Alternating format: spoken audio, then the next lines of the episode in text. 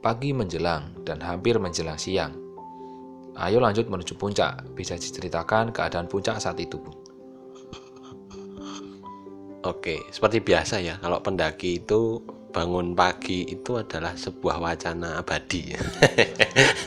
jadi, jadi kita bangun waktu itu jam 9 pagi, tapi memang gara-gara itu kondisi dan cuaca waktu itu memang hujan dan ya jam 9 pagi pun tenda itu masih tertutup kabut dan itu sangat pekat sekali.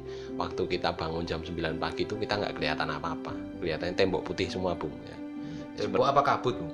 Ya ya te, te, putih oh kabut bung kabut oh, iya. kabut oke. Okay. bukan kabut cinta. Bukan bung. Bukan ya. Memang uh, waktu kita di sana uh, ya mulai start, start trekking pendakian itu sekitar jam 9 sampai setengah 10 nah, nah saya bawa teman empat orang teman saya tadi untuk ke puncak. Nah saya ajak mereka.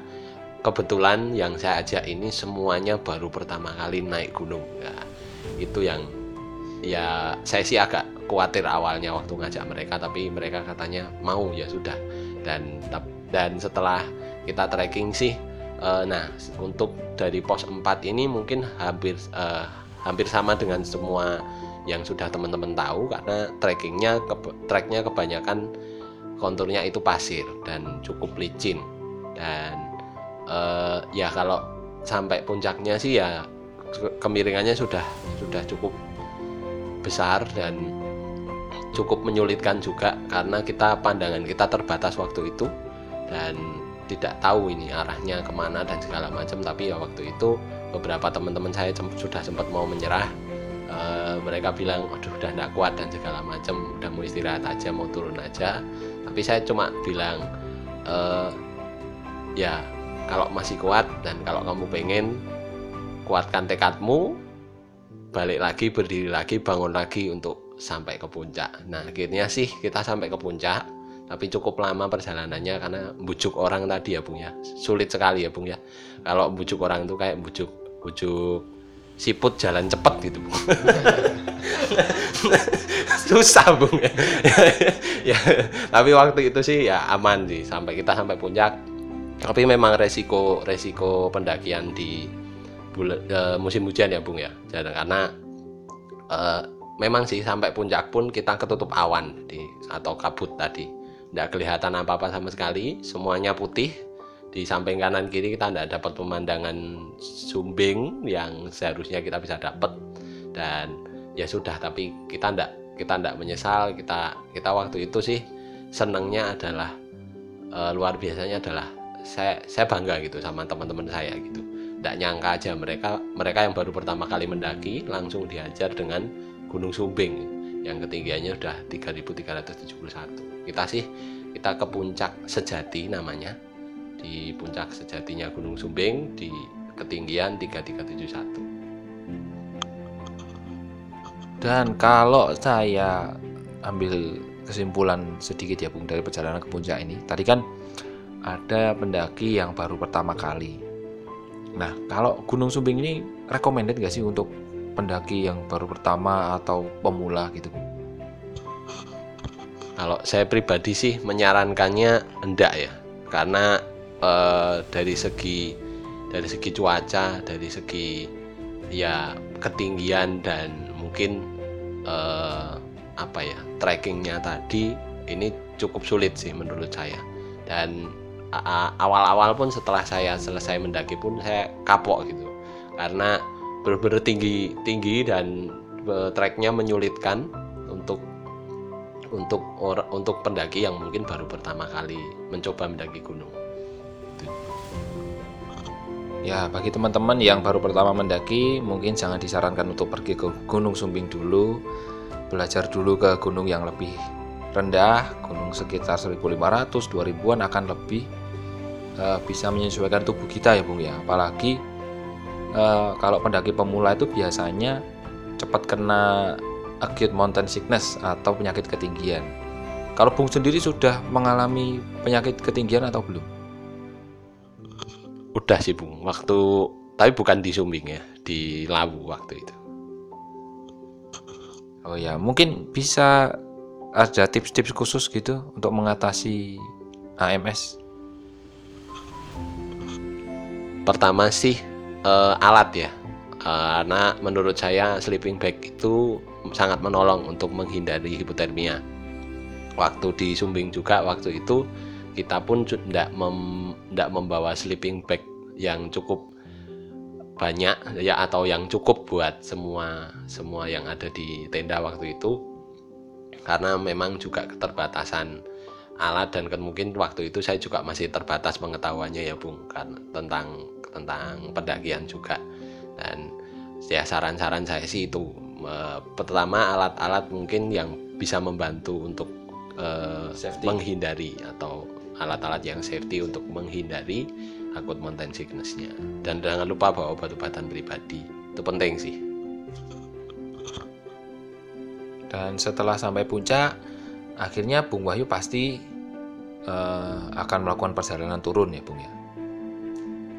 iya Bung Iya, masa mau di puncak terus? Ya sulit Bung nanti kedinginan terus ya Oh iya, kedinginan. Seperti elu. yang nggak dipeluk mantan. belum punya mantan ya Bung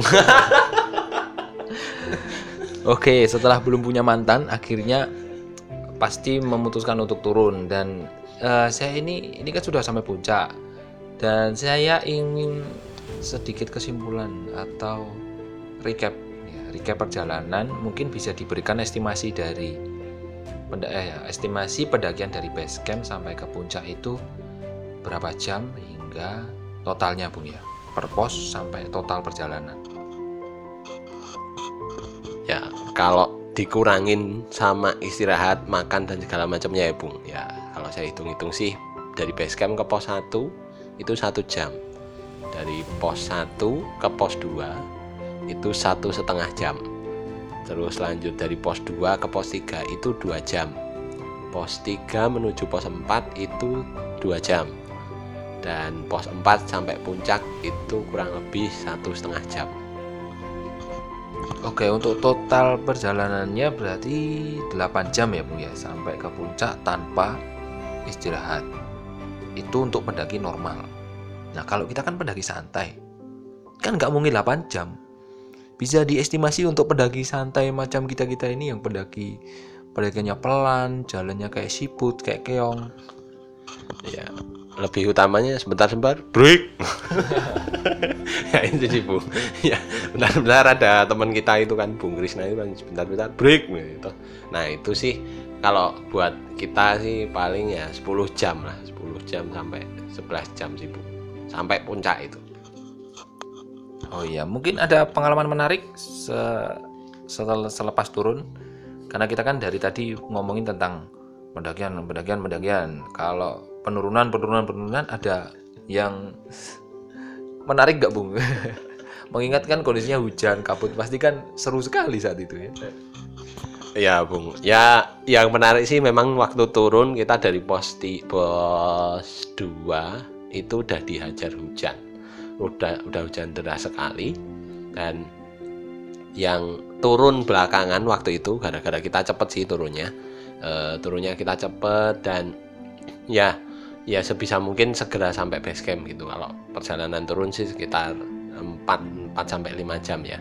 Dan sampai di nah yang menarik itu nah, waktu kita turun sih cuma ada hujan tok ya Bung. Tapi kalau waktu nah beberapa teman-teman yang terakhir itu turunnya mereka katanya kena hujan es Bung jadi mungkin gara-gara kondisi memang sudah terlalu dingin dan eh, hujan juga musim hujan juga teman-teman saya katanya yang di belakang itu ngalamin kena hujan es Bu ya. Seperti di Balangi gitu ya Bung ya.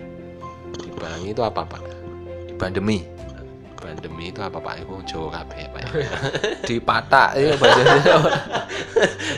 ya kayak kejatuhan batu gitulah Pak ya Oh iya, batu-batu kerikil, es es kecil-kecil gitu. Kenapa nggak sekalian dibikin es serut? ya nggak kepikiran Pak soalnya dingin Pak Oh iya iya iya. iya.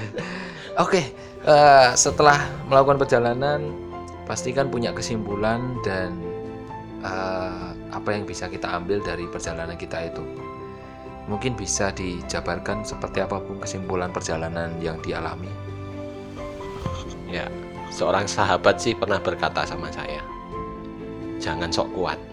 Ya, menurut saya sih, ya saya ngalami itu di di perjalanan ini, yang yang mungkin saya merasa bahwa oh saya satu-satunya orang dari rombongan saya pribadi yang eh, yang waktu itu sudah berpengalaman, sudah punya pengalaman untuk mendaki gunung. Tapi buat saya, Bung, yang terpenting bukanlah ego mengenai sekuat apa manusia itu. Lebih dari itu, sahabat dan kekuatan dari sebuah tim yang membuat segalanya terasa berarti dan setara. Kekuatan sebuah tim adalah ketika meletakkan ego dan bergandeng tangan untuk menciptakan kekuatan bersama. Oke.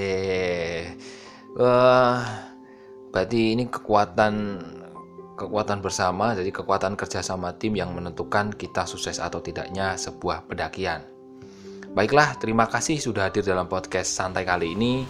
Dan terima kasih juga untuk Bung Wahyu sudah menemani dan menjadi narasumber untuk podcast santai kali ini. Semoga informasi ini bermanfaat untuk kita semua yang hendak mendaki Gunung Sumbing via Adipuro.